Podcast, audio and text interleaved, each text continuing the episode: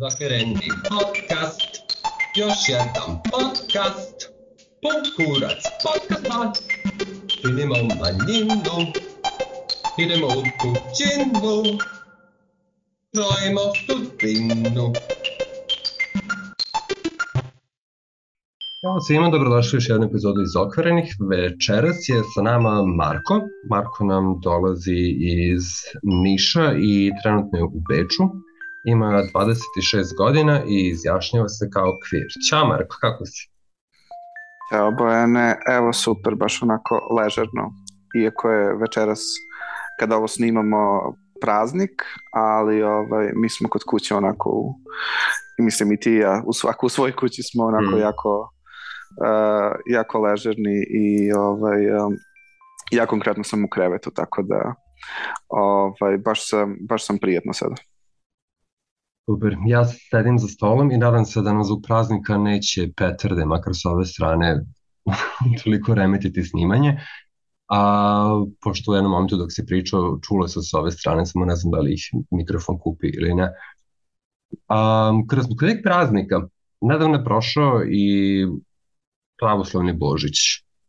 Um, kako se osjećaš prav, u doba pravoslavnog Božića kada si u inostranstvu? Gde se to neslo? Moram da kažem da to mene nije baš ništa posebno značilo, zato što čak i ako sam sad u jednostranstvu, ja sam jako dugo već, uh, odnosno od svoje 19. godine van uh, porodične kuće, od kada sam krenuo na studije, tako da ovaj, uh, nisam nikada voleo Božić, nisam, nisam odrastao u nekim lepim porodičnim uslovima i za mene su ti praznici nekako bili više ne bih da kažem traumatična situacija, mislim bilo je svega, ali to je neka prilika kada porodica mora da bude zajedno zato što se to tako jel te mora u ovaj po, po običajima, a kada je porodica u lošim odnosima i kada onda morate da se trpite za jednu večeru ili za ručak ili šta je već u pitanju, to će naravno rezultirati ovaj do kraja dana će biti neke svađe ili će biti čak i nekih batina, zavisi kakva je atmosfera tog dana. Ovaj nažalost E, tako da e, meni je zapravo jako drago što sam daleko od svih tih tradicija jer nikada se nisam preterano identifikovao ni sa hrišćanstvom ni sa pravoslavljem posebno, tako da Uh, dobio sam par poruka od nekih ljudi iz Srbije koje su one, one lančane poruke sa čestitkama, ja samo lepo kažem hvala takođe, ali ovaj, um, nisam sad nešto, kada sam ranije sam dosta bio besan na sve te ovaj, crkvene običaje, pa sam onako sa, sa nekim e, sa nekim buntom i cinizmom odgovarao kao uh, bezobrazno, ali sada kada sam prosto odrasli, prosto mi ono, neka svako slavi šta želi, ali meni to nije značilo ni malo, niti mi je ovaj, e, nedostalo. Jedino što mi je dostalo neka hrana, možda ovaj, koja ovde nema ili ja ne umem da spremim, što je možda samo zadatak da, da je krajnje vreme, ne znam, da naučim da spremim sarmu ili tako nešto. Znači, nemaš neku veliku nostalgiju koja te trese u toku tih praznika? Ne, nema nostalgije i naročito nema nostalgije za, ovaj, za svim ovim što smo pomenuli za petardama i tako tim, jer ovaj, ovde su petarde bile samo jednog dana, to je 31. a sve posle toga je bilo mirno, što me zapravo jako raduje. Zato što si Beš, Beču, a, reci mi šta bi pre jeo, Mozart ili Rafaelo Kuglica? Rafaelo. Rafaelo je moj omiljeni kolač i ovaj, to mi je majka stalno, stalno pravila kad god je, kad god je bilo ovaj, prilike ili para, pošto u nekom trenutku kada sam ja bio dosta mali, odnosno u ranim 2000-tim, eh, to mleko u prahu koje je, za, koje je potrebno za Rafaelo nije ga uvek bilo ili je bilo skupo, tako da je to onako baš bila poslastica kad se desi da ovaj, može da se dođe do mleka u prahu. A šta više voliš, ste ili mačke? Da kažemo pse više, onako malo više, ali naravno jako volim i mačke. Ali nikada lično nisam imao mačku, a imao sam pse, tako da ovaj, zbog toga pse. Dobro, zamislila, ako dobiješ dva kučeta i treba da ih imenuješ po dve slavne ličnosti iz 90. godina, koje imena bi izabrao?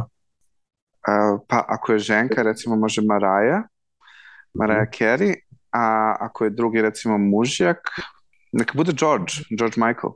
Dve queer ikone, mislim, jedna onako kao Ala, a druga kao sama queer ikona. Mm. Pa eto, ajde, pošto ti se već nekako spomenuo te porodične odnose, ajde se bacimo na to. Priča nam o odrastanju i spoznaju svoje seksualnosti kroz prostor i kroz vreme i kako se to izgledalo. Dosta intenzivno razmišljao o tome u poslednjim mesecima, zato što sam uh, čitao tako neke knjige memoarske gde su ljudi pričali o svojim spoznavanjima uh, i jako, baš onako mogu da se setim uh, svoje neke prve, svog nekog prvog sećanja na tu temu Sad naravno sa godinama kada si jako mali to je jako teško da setiš da li si imao 3 ili 4 ili 5. Ove, ali negde recimo između četvrte i pete godine uh, mogu da se, znam da sam video na trafici ili ne znam ja gde Playboy časopis. Ovaj, I to sam čak mogao da ga onako i uzmem i prelistam. Ne znam ko je to dao detetu da to radi, ali eto. Ovaj, to se desilo. I znam da je moja prva misa u glavi bilo kako je bilo da vidim ovakav časopis, ali da su umesto ovih golih žena, tu neki goli muškarci. Ovaj, to je onako, baš sam se, baš mi je bilo žao što se to ovaj nije, um, što se to nije prodavalo ili postojalo tada kod mhm. nas. Ovaj, to jest, verovatno jeste postojalo, ali ja do toga naravno nisam mogao da dođem. Mm. I onda sam imao jednog druga iz ulice i mi smo se tako igrali svega i svačega ali jedna od tih igara je bila i zapravo to neko istraživanje naših tela i sad tu neću ići previše u detalje zato što možda nije ni za, ovaj, ni za javnost ni za ovaj podcast, ali mislim već tada sa, sa četiri ili pet godina sam znao, mislim drugi imao isto toliko godina, nije tu bilo neke velike, nije tu ni bilo nikakve razlike, ovaj, sam znao da mi onako, ne znam da li druga deca vole da se igraju sa ovaj, dečaci sa devojčicama ili devojčice sa devojčicama, ali ja sam znao da mi onako prija taj E, ta neka intimna igra sa, ovaj, sa drugim uh, dečakom, da kažem, pošto sam i sam, jel te, uh, odrastao kao dečak. Uh, kasnije, mislim, uh, dosta sam ja to zaboravio, nekako mogu da između, ne znam, od šeste, sedme godine, pa sve do ulaska u pubertet, kao da, mislim, ono, kao da sam bio neko aseksualno biće, što verovatno i jesam, mislim, kada ono, dok još nisu krenuli hormoni, Ovaj, tako da se nisam uopšte razmišljao o tome baš dugi niz godina. I mogu da kažem da sam čak i uh, neka vrsta, kako bismo to rekli na srpskom, late bloomer, ovaj, da sam uh, dosta kasno zapravo shvatio o čemu se tu radi, jer nekako sa 12, 13, 14 godina niko mi se nije sviđao, ali mi nekako to nije bilo čak ni problematično, jer kao šta sad, mislim. Tek možda sa 15 godina sam ovaj, uh, sam krenuo da, da primećujem da mi se sviđaju neki drugi dečaci, tako da mogu da kažem da sam imao ono dva autovanja sa pet godina i onda deset godina kasnije kada sam zapravo drugi put shvatio a, da sam imao i rečnik o čemu se tu radi.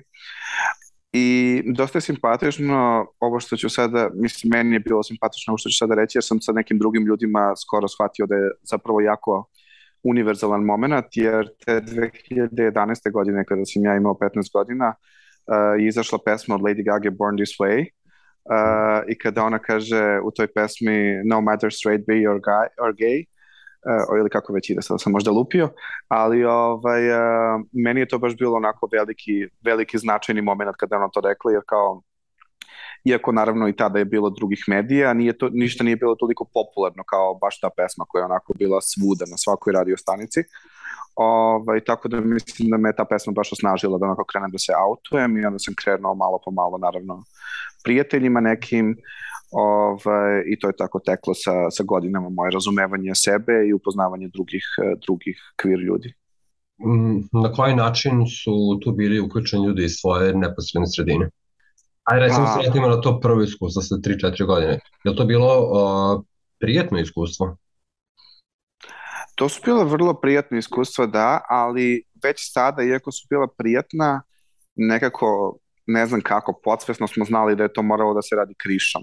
Nekako to nije bilo onako igranje na sred ulice, nego su to bili neki trenuci kada možemo da ono budemo u sobi pola sata bez da bez nekog roditeljskog nadzora ili tako dalje. Tako da je to bilo već tada pod nekim velom uh, sramote ili ne znam tajne, jer ne znaš zašto, ali znaš da nije u redu da to radiš. A kasnije uh, sa, sa 15, um, 14-15, to nije baš bilo ljudi, pošto sam tada već naravno znao da, da ta seksualnost koja nije heteroseksualna nije baš uh, poželjna.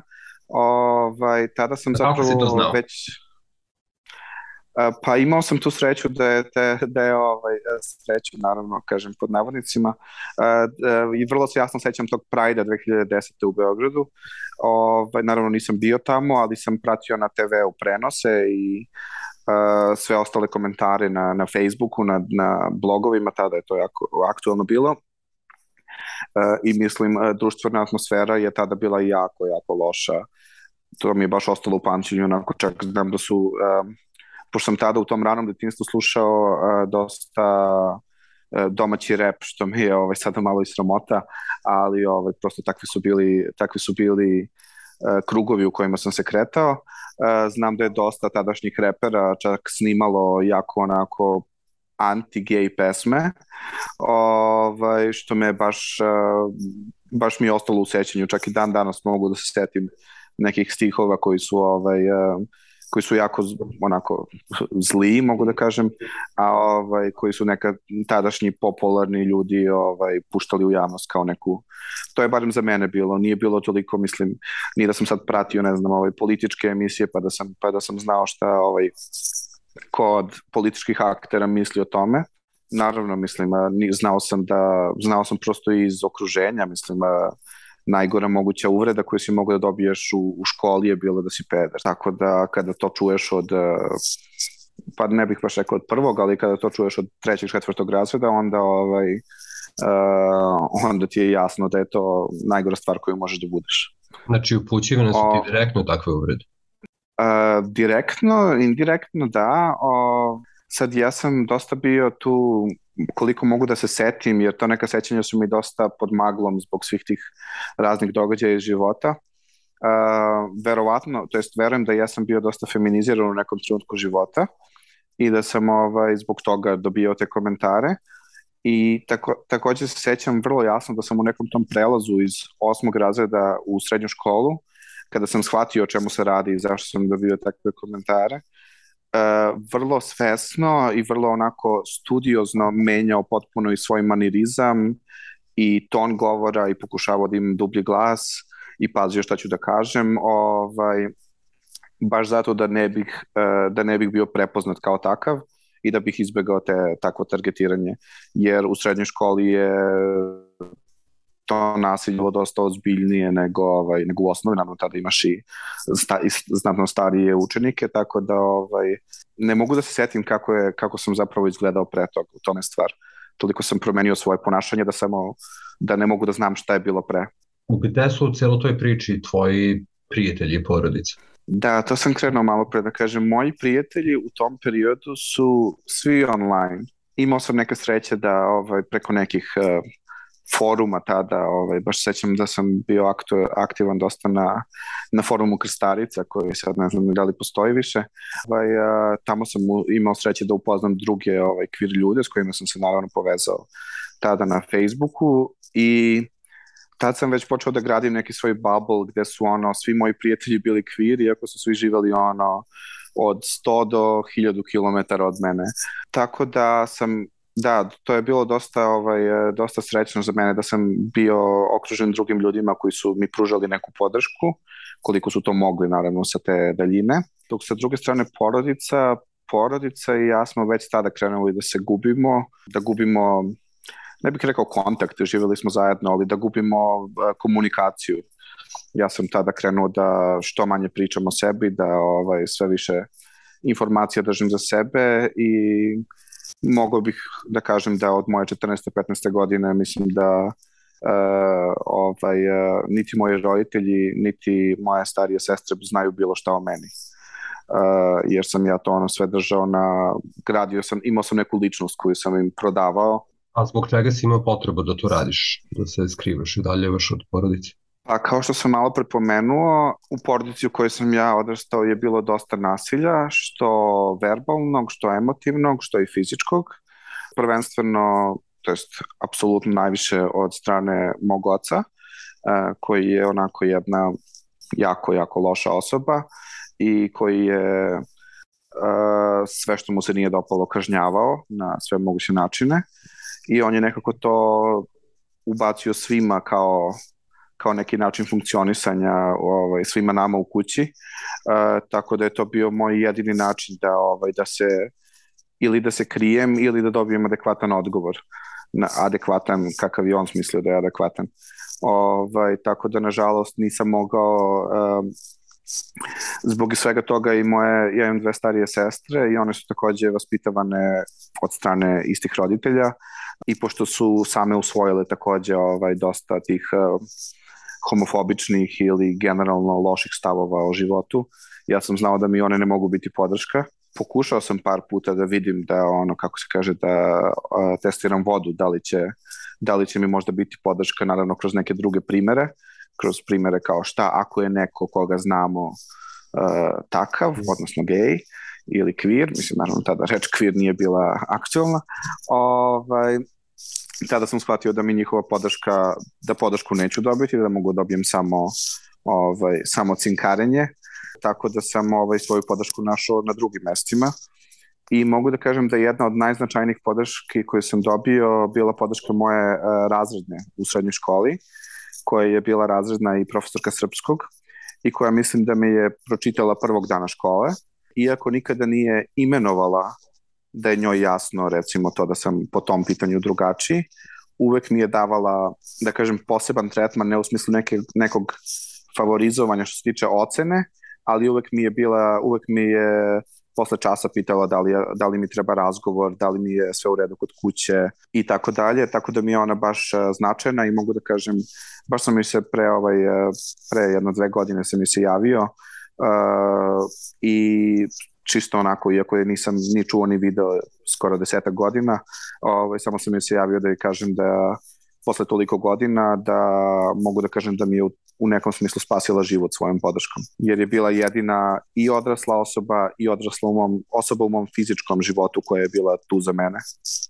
Drago da si imao makar nju kada već nisi imao porodicu, niti prijatelje koji su ti bili baš tu u fizičkom okruženju. Da, je to uticalo na, na tvoju usamljenost? Pa mislim da je to dosta odredilo moj karakter i da ga i dan danas određuje zapravo, pošto sam prilično, ne bih danas rekao da sam usamljen, ali sam prilično samački živim, baš sam onako samo, samo dovoljan.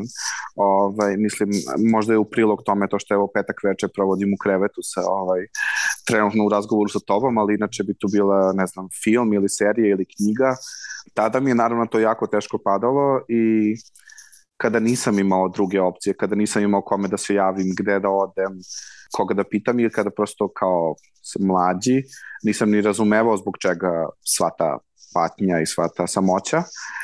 Ali da, rekao bih da me to dosta formiralo, sada mi to dosta prija zapravo, uh, jer to je moja ličnost i naravno volim društvo, volim da budem sa ljudima, ali nekako nakon svega mi je sasvim ok da budem i sam, ali sada mogu da odem mogu da imam prijatelje kod kojih mogu da odem, mogu uvek da pozovem nekoga i tako dalje i kada znam da postoji ta mogućnost, tada ta, tada ta usamljenost, ali ne usamljenost u lošem smislu, nego usamljenost kao by choice, kako, bi se, ovaj, e, kako bismo to rekli, ta usamljenost mi zapravo prija. Je to od uvek bilo tako? Tako.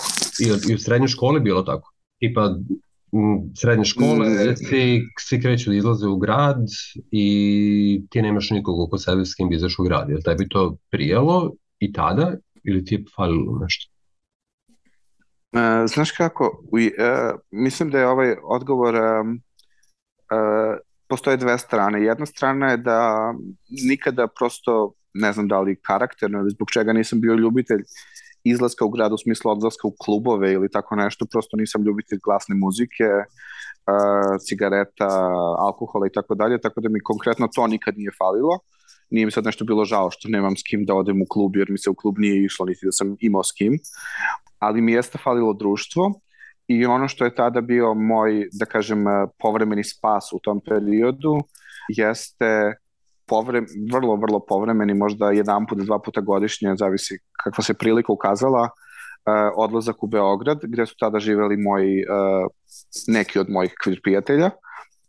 Tako da sam tražio svaki povod da odem tamo makar na, na vikend ili na, ovaj, ili na makar jedno veče. Naravno, to je u početku bilo jako teško, jer kada imaš 15 godina, niti imaš svoje financije, a nekako si i dalje mali da bi te puštali da sad ideš sad na svoje neke mm. ovaj na svoje neka putovanja ali kako sam ovaj kako sam rastao tako sam ovaj štedeo dosta da kupim kartu do Beograda i tada tako da sam sve češće i češće išao i upoznavao ljude i to mi je baš značilo što sam upoznavao ovaj, ljude uh, tamo i što sam i pre dolaska u Beograd, sa 19 godina sam upisao fakultet u Beogradu pa sam napokon dobio šansu da, da onako za stalno odem od kuće, ali kada sam već došao, već sam ovaj, kada sam tek došao, već sam znao ne mogu da kažem mnogo, ali nekoliko kvir ljudi u Beogradu i to mi je dosta značilo što sam imao, nisam morao sad od početka da krećem i da tražim nove prijatelje, već sam imao, već sam imao neke, ovaj, neku svoju bazu tu. Kako se menja tvoj život tim odlaskom u Beograd? E, da, odlazak u Beograd je možda do sadašnja najveća prekretica mog života, što je zanimljivo reći kao neko ko je imigrirao iz Srbije, ali tada je ta, taj stepen razlike bio toliko veliki. Od samog početka je zapravo moje, uh, moje uopšte upisivanje fakulteta bilo paravan i ja sam to vrlo svesno uradio. Nisam imao neke naučite želje da se bavim studiranjem. Uh, upisao sam filološki fakultet čisto ovaj, reda radi, ali to mi je pre svega bilo uh, način da, da odem iz malog u za mene tada najveći grad na svetu, jedini grad koji mi je bio dostupan.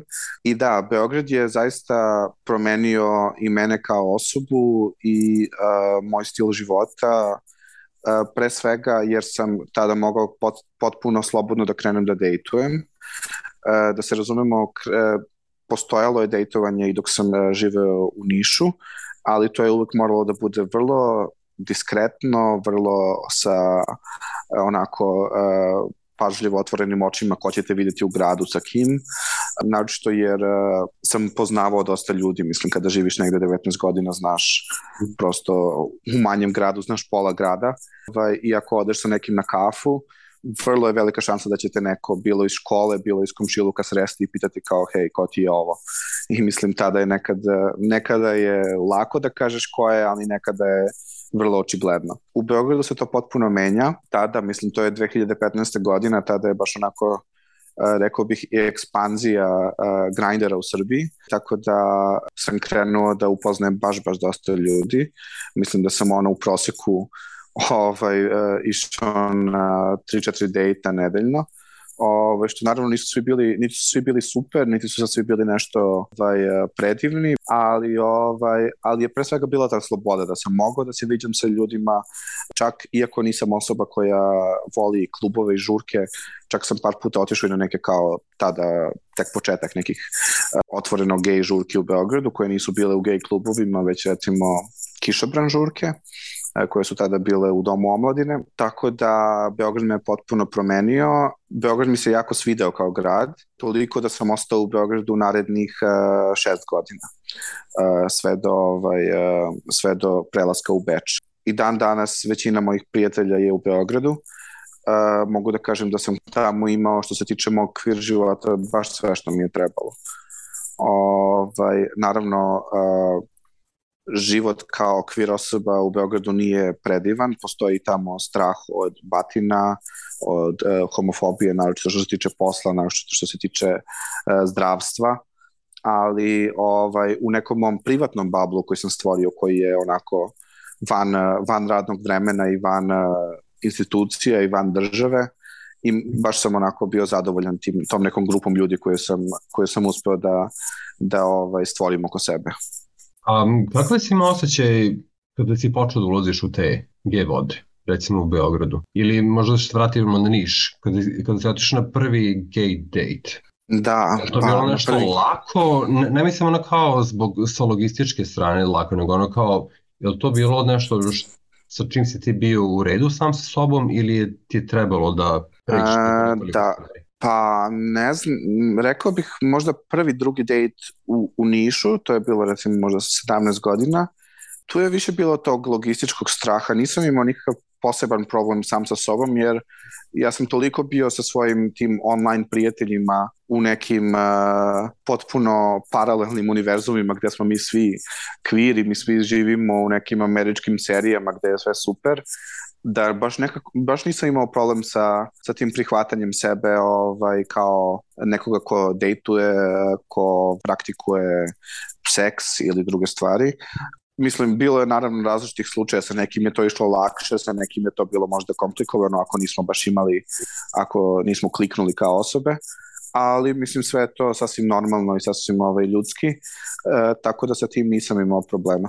Ali si imao neki kao prvi zvaničan čin autovanje ili tako nečega? Ne bih rekao da je postojalo jedno autovanje, mislim da se autujem svaki dan i dan danas sa svakom novom osobom koju sretnem. A, nisam imao nikakvo veliko autovanje kao recimo ono filmsko autovanje što se tiče porodice. Ovaj, to je bilo vrlo moja odluka kada sam u nekom trenutku prestao da budem a, i zavistan od porodice i fizički prisutan sa njima, mogao sam da se autujem, ali sam prosto odlučio da je to nešto što niti ima potrebe da, ovaj, da moja porodica zna, niti će meni doneti neko olakšanje, a neće mi doneti olakšanje jer sam znao da reakcija neće biti pozitivna. A kada si otišao u Beograd, si cimerova? Uh, jesam, uh, cimerovao sam i to dosta sa različitim ljudima i u različitim stanovima i različitim varijantama, ali sam od samog početka, ovaj, od samog prva osoba sa kojom živ, sam živeo je bila kvir. Posle sam živeo sa nekim onako random ljudima koje sam našao preko nekih oglasa, ali mi je to bilo jako zanimljivo da prvog dana kada sam došao u, tu, u taj stan, imao sam dve cimerke, jedna od njih je bila studentkinja psihologije tada i nešto smo onako ćaskali. E, nisam se autovao, ne zato što nisam smeo ili hteo, nego zato što je prosto bio prvi dan. Nisam baš onako od prvog dana hteo da krenem sa nekim pričama, hajde prvo da vidimo kako se uopšte neko zove, a kamo nešto drugo. I znam da mi je cimerka iz čista mira uh, samo postavila pitanje kakve ti muškarce voliš?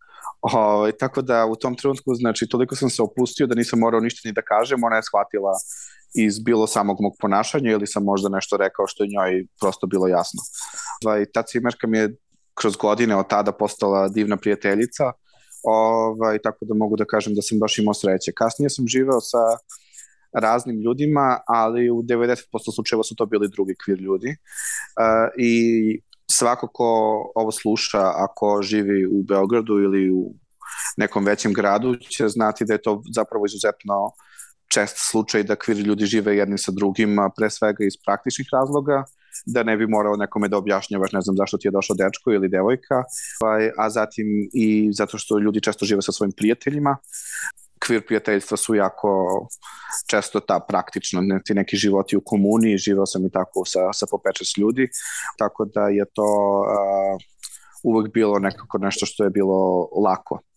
Naravno, bilo je problema sa stanodavcima nekada, gde prosto postojali su ljudi koji nisu hteli da izdaju stanove ljudima za koje je očigledno da su gej ili queer, ali tu su često bili jedna osoba koja je onako najviše passing, koja može da prođe kao straight, koja bi bila zvanična osoba koja priča sa stanodavcem, dok bi svi ostali su onako krili tu, mislim, iako je stan naravno za, ne znam, troje ili četvoro ljudi. Mm -hmm.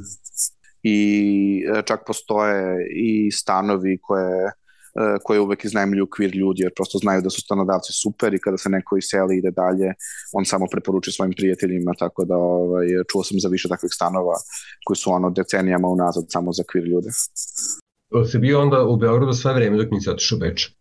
Da, sa raznim poslovima, nekada je bilo bolje, nekada lošije. E, što se tiče toga konkretno posla, to je uvek nekako meni bila loša ovaj, strana, e, jako sam se nekako zato što baš nisam hteo da se krijem i nisam hteo da, da menjam više ličnost, kao dovoljno mi je bilo jednom. Uh, nije mi bilo tako lako da nađem neke poslove gde mogu da budem i autovan i mogu da budem uh, i da posao bude normalan i da ovaj bude dostojanstvena ovaj zarada i tako dalje. A, tako da sam se dosta mučio sa poslovima, radio sam razne neke jako bedno plaćene poslove i neke sa, sasvim ok, ali generalno je taj, taj život bio jako fin u Beogradu i naočito sada kada više nisam tamo, možda ga malo idealizujem sa ove, sa ove tačke gledišta, ali mhm. umeo je da bude jako lep. Pa šta bi onda rekao da je primjeran razlog tvog odlaska? U Beogradu je jako teško naći dostojanstven posao ako si bilo ko, a mislim naočito teže ako si ovaj, ako si zbog nekog razloga drugačiji ili se to, i to se vidi na tebi. Naravno, ta sloboda koju nemaš na ulicama mi je uvek jako smetala, to što možeš da odeš sa nekim na kafu i možete da se, ako je kafić ok, jedan od, ne znam, pet kafića u Beogradu koji su ok, možete čak i ono da se ovaj, poljubite u kafiću, ali, čak, ali čim izađete sa ulice, čim izađete na ulicu, morate da se ono držite distancu i ne smete da se držite za ruke. Uh, to je bio recimo, uh, mislim, sva, ta sva, sve prisutna homofobija. Ovaj, naravno, kroz sve te ovaj, godine raznih cimerovanja živeo sam i u nekim krajevima koji su bili manje lepi i u kojima sam doslovno morao da se ovaj, plašim ko će me sresti na ulici. Tako da uh, sve to me je, ne mogu da kažem da je mene bilo šta posebno oteralo iz Beograda, ali me ništa nije toliko privlačilo više Beogradu. Mhm. Shvatio sam da možda mogu da živim negde gde je to možda malo bolje. I onda si otišao iz Beograda i je li bolje tamo? Pa u nekim, u ovim crtama u kojima sam rekao jeste, mislim na ulici mogu da budem jako slobodan. Naravno nije ni ovde raj i ume da bude uh, uh, jako ovaj, uh, država i, i ti birokratski sistemi mogu da budu jako uh, rasistički nastrojeni prema migrantima, tako da sva ta papirologija, to je jako težak proces, ali uh, na ulici sada makar mogu da se držim za ruke s nekim, mogu da ovaj mogu da ne znam nosim bedževe sa ovaj uh, sa duginim zastavama ili sa trans zastavom na, na torbi da mi niko neće ni reč reći. E, mislim da to dosta ima veze i sa tim što je ovo jedan veliki glavni grad, a verujem da dosta ima veze i sa samim, sa samim kulturom ljudi ovde, gde su nekako mnogo manje šanse da će ti ljudi bilo šta reći bez obzira na to kako si kako se ponašaš ili izgledaš za razliku od naših naroda koji su jako um, znatno neposredniji. Ipak si u gradu koji ima puno naših ljudi. Kako reaguješ na to kad čuješ srpski ili hrvatski ili bosanski na ulici? Da, um, to je jedna divna stvar sa jedne strane, a možda bude jako uh, negativna stvar sa druge strane. Nije nemoguće čuti neke uvrede na našim jezicima i to rekao bih konkretno zato što možda ti ljudi misle da si ti odavde i da ih nećeš razumeti. Uh, tako da mogu da kažem da nažalost ima dosta ljudi koji su došli iz, sa, sa područja Jugoslavije, ali koji su i tekako zadržali svoje ovaj, uh, neke negativne stavove i uh, imaju dosta ovaj, uh, dosta loše ponašanje. Naravno, mnogo je manja šansa da će to ovde fizički napasti prosto zato što ne žele da rizikuju svoj neki ovaj, status ovde, ali komentari su česti to je negativna strana, ali moram da kažem da postoji jedna vrlo, vrlo pozitivna strana, a to je da ovde postoji dosta, uh, dosta kvir ljudi sa Balkana. Uh, I ti ljudi se nekako svi ovde znaju, bilo lično ili makar posredno, I moja velika sreća je da sam ja uspeo da se povežem sa tim ljudima na samom početku i to mi je znatno olakšalo život u svakom pogledu ovde. Mogu sam da dobijem savete gde ići, gde ne ići, šta je što se tiče birokratije, apsolutno svega, uh, što se tiče posla, što se tiče učenja jezika i tako dalje. Moram da kažem da sam ja ovde došao bez znanja jezika, tako da je to bilo jako veliki korak, ovaj, jer nemački je dosta drugačiji od engleskog i nije se lako sporazumeti. Znači, pronašao si svoje pleme. I da i ne, nekako nisam baš pronašao najbliskije prijatelje. Ti ljudi su i dalje za mene u Beogradu ali sam pronašao neku grupu koja je pre svega dosta solidarna i uh, našto što se tiče tih praktikalija, a sada da li će to biti pleme, to ćemo da vidimo, jer ipak je za to potrebno i vreme, da bi se s nekim upoznao i da biste postali najbolji prijatelji i da biste, ovaj, našto sa više ljudi postao najbolji prijatelj. Sada mi je zapravo najveća muka kako dovesti sve prijatelja ovde. ovaj, tako da uh, Našao sam naravno neke značajne ljude, ali ne bih rekao da je to još uvek moje pleme. Možda kroz par godina, možda se ako se ponovo čujemo za recimo tri godine, ovaj, možda tada verujem da će biti, da će biti znatno drugačije. A dobro, ti si tamo i relativno kratko, je li tako? Da, da, da, ja sam ovde jako kratko, manje od godinu dana, tako da ovaj, um, bilo i dosta teško, ovde je zbog covid i lockdown uh, bio dosta ovaj, veliki i dosta onako rigorozan, uh, tako da nije bilo nekog nalaženja privatno i uh, jako je bilo teže upoznati ljude. Uh, tek sada krećem da onako malo više upoznajem ljude, upoznajem grad, tako da, da, bit će, verujem da će i to doći na svoje, samo naravno treba će vremena. I u Beogradu mi je trebalo godine da dođem do neke svoje grupe, kamoli ovde. I nakon što si otišao u inostranstvo, ili si prestao, ili si se potpuno odvojio od Srbije ili dalje pratiš političku i queer scenu u Srbiji? Bilo mi je jako teško da se, ne, nisam se odvojio, um, rekao bih da je to onako proces i da će trajati još neko vreme. Uh, prestao sam da pratim političku scenu u smislu da pratim šta se sada na dnevnom nivou dešava. Uh, queer scenu i dalje pratim i vrlo sam zainteresovan za, ovaj, za ta dešavanja. Uh, naočito sam zainteresovan u smislu da li je potencijalno moguće neko povezivanje, dolazak ljudi uh, iz Beograda ovde ili ne znam, dolazak nekih queer umetnika odavde tamo tako da mislim da tu vezu neću, neću ovaj, seći, ali generalno sam dosta prestao da pratim ta dnevna politička dešavanja uh, i mogu da kažem da mi je u neku ruku i laknulo. A bi podelio s nama informaciju o tome čime se baviš tamo? Pošto sam, kao što sam rekao, došao u ovaj grad bez znanja jezika, to je dosta uticalo na, na moju šansu za posao, tako da sam ovaj, uh, trenutno radim nešto što je onako vrlo vrlo migrantski i vrlo kao što, kao što u filmovima vidimo da migranti najčešće rade, a to je rad u kuhinji, ali za sad sam, uh, mogu da kažem, ona uh, najniža ovaj, radnička klasa u ovoj državi. I jel si na poslu tamo gej? I da i ne, mislim, uh, kao što sam rekao, zbog drugačijih ovde standarda, niti te iko pita, niti je ikome stalo, ovde ljudi znatno manje pričaju o tim nekim privatnim stvarima i nekako nećeš baš doživeti da te neko pita kao, hej, jel si u vezi ili ne znam, jel imaš decu. Ako sam kažeš, bit ćeš, ovaj, uh, mislim, možeš da kažeš ljudima. Sa što se mene tiče, ja kažem, ako me neko pita, ako ne, prosto ne zato što onako nisam, nisam toliko blizak sa tim ljudima. Sad ne zato što sad moram da se krijem, nego zato što još uvek nije bilo razloga da im kažem. Spomenuo si taj loš odnos u porodici. Jel tvoji roditelji znaju uopšte da si ti otišao iz Srbije? A, moji roditelji znaju da sam otišao iz Srbije, ali ne znaju apsolutno ništa više od toga. Nažalost, moja majka je umeđu vremenu preminula nakon što sam ja otišao iz zemlje, tako da što se toga tiče ta se priča završila ali ovaj, ja sam presekao svaki kontakt sa svojim ocem, uh, tako da on zna uh, putem drugih ljudi da ja više nisam tu, ali nema način da stupi u kontakt sa mnom i ne zna apsolutno ništa o meni, što je zapravo potpuno moj izbor.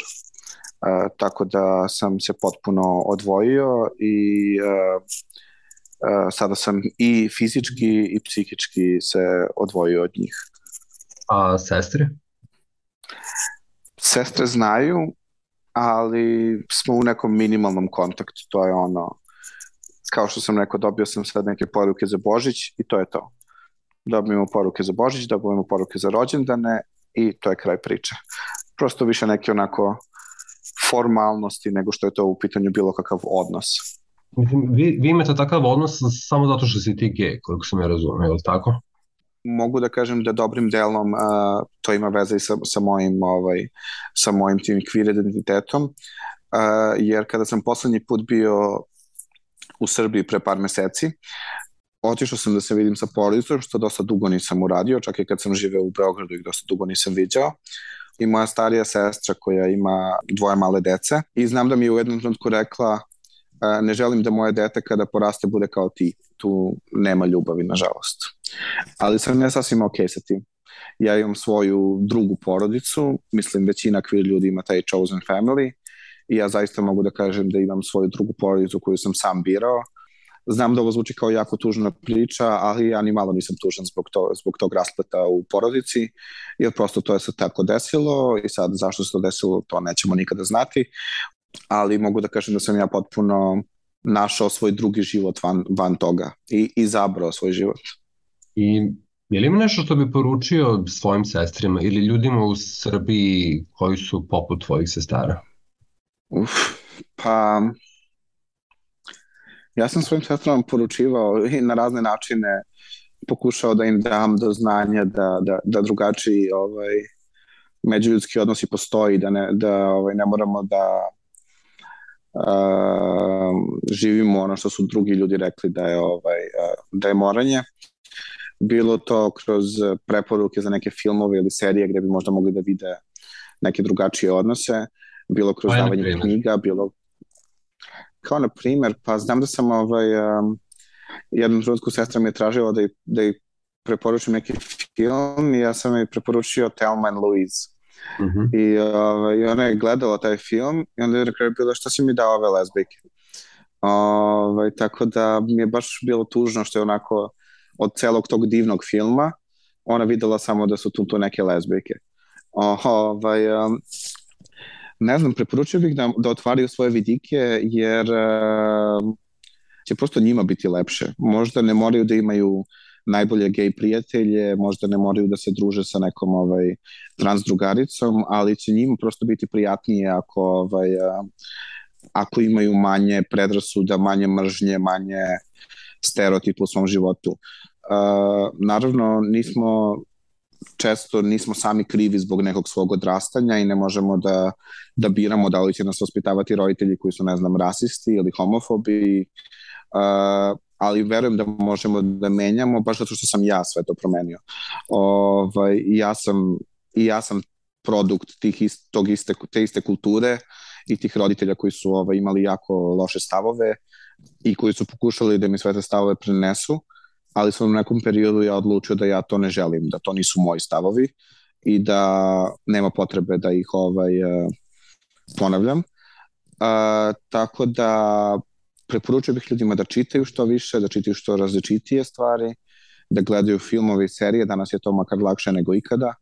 Otvorite svoje srca zbog sebe samih, ne zbog drugih ljudi. A često će zatrebati i zbog drugih ljudi, jer uh, zapravo sam skoro razmišljao o tome kako svi, skoro svi koje znam, pa tako i ja, imamo onog nekog teču ili ujaka koji se nikad nije ženio i koji se tako ovaj, koji tako ne ženja jer je nesrećan u ljubavi i koji, ne znam, dođe do 60. 70. godine i tako živi sam i često se i propije ili tako nešto. Ovaj, I sad naravno u nekim slučajevima su u pitanju možda neki ljudi koji zaista nisu imali sreće i koji zaista nisu imali ovaj, prosto im se desila takva sudbina, ali sam shvatio da u mnogim slučajevima su ti zapravo, to su ti neki naši gej rođaci koji su pristali da žive, pristali ili morali da žive taj neki život pod tajnama ili pod potpunom samoćom i gde su došli do, ne znam, do kraja života, a da nikad nisu ni živeli zapravo i ne želim nikome takav život i nadam se da će što manje ljudi živeti takav život. Da, slažem se da emancipacija ide u svestranu korist, a uz to u ovom slučaju baš ništa ni ne košta. Um, pa ništa, nadam se da ćete poslušati. A jel postoji nešto nove teme koje smo načeli da te nisam pitao, a da bi ti teo da kažeš? Queer ljudima bih pručio ne samo zato što sam ja to uradio ili svi tvoji prethodni gosti, ali zaista bih svima preporučio da odu. Ovaj, znam da to nije lepa, često to nije lepo reći jer ljudi imaju svoje neke živote i svoje neke poslove, ali zaista mislim da da se u toj zemlji neće dešavati dobre stvari u narednim godinama i svim svojim prijateljima, a i neprijateljima, bez obzira, uh, bih poručio da nađu način, uče jezike, uh, uče neke zanate ili veštine koji mogu biti potrebni uh, i odu, jer uh, mogu da kažem za sebe da sam zaista ovaj, procvetao od kad sam otišao uh, iz Srbije, uprkos nekim teškim temama, kao što sam rekao, ali bez obzira na to, ja sam u svakom drugom smislu uh, postao druga osoba. A koji zvuk vezuješ za Srbiju? Za Srbiju me vezuje zvuk trube i to je zvuk koji mi jako smeta. Ja baš, baš nikad nisam voleo trubu i sada uz novu godinu tradicionalno idu oni trubači koji su svuda na ulicama i mogu da kažem da mi je baš prijelo da ih nisam čuo ove godine. A pogotovo kad su neuštimovani. da dzvanjaju. Da, pa često se, ne znam ni da li čujemo to, jer ih često ima i po pet, ono, po pet različitih orkestara na ulici, da. pa ne znaš ni šta čuješ zapravo. Pa hvala ti na razgovoru, drago mi da smo se upoznali i baš mi je drago što ovaj, si mi ti prišao i inicirao razgovor. Da, sam taj prilazak je bio ovaj, dosta onako slučajan, ali kao i slučajno otkrivanje tvog podcasta, ali takav je, takav je internet, ali mi je drago da sam ovaj, ovako nešto po prvi put uradio, jer samo, kao što sam ti rekao, imam veliki nas, strah od javnog nastupa, srećem ovo nije bilo ni, ni blizu toliko strašno kao što sam zamišljao da će biti i radujem se drugim epizodama. Uh, ovaj, nadam se da ćeš imati još puno gostiju, pošto baš onako često moram da, da ovaj, refreshujem tvoju stranicu da vidim kad će neki novi podcast. Ja se nadam da će se isto to desiti, ali i, tako da ovaj, se nadam da će i drugi biti isto hrabri kao ti. Da. Ruka za sve slušalce, ukoliko ste kvir i ukoliko ste napustili Jugoslaviju, javite se, recite sve to u etar, ne, ne znate kome to može da znači kao što su meni značile neke stvari koje su neki od prethodnih gostiju rekli slušajte Marka. Ja tebi želim puno sreće i solidan progres sa tim učenjem jezika, pa će se, nadam se, s tim i mnogo druga vrata otvoriti. Izokvireni podcast možeš pronaći na sajtu izokvireni.com. Tamo ćeš već videti linkove za naš profil na društvenim mrežama. Ako ti se dopadamo, označi to i tamo i još bolje ostavi nam recenziju na platformama na kojima nas pratiš. A u slučaju da želiš da budeš naš gost ili znaš neko ko bi to mogao ili trebalo da bude, Piši nam na e-mail adresu izokvereni at gmail.com. Čujemo se uskoro.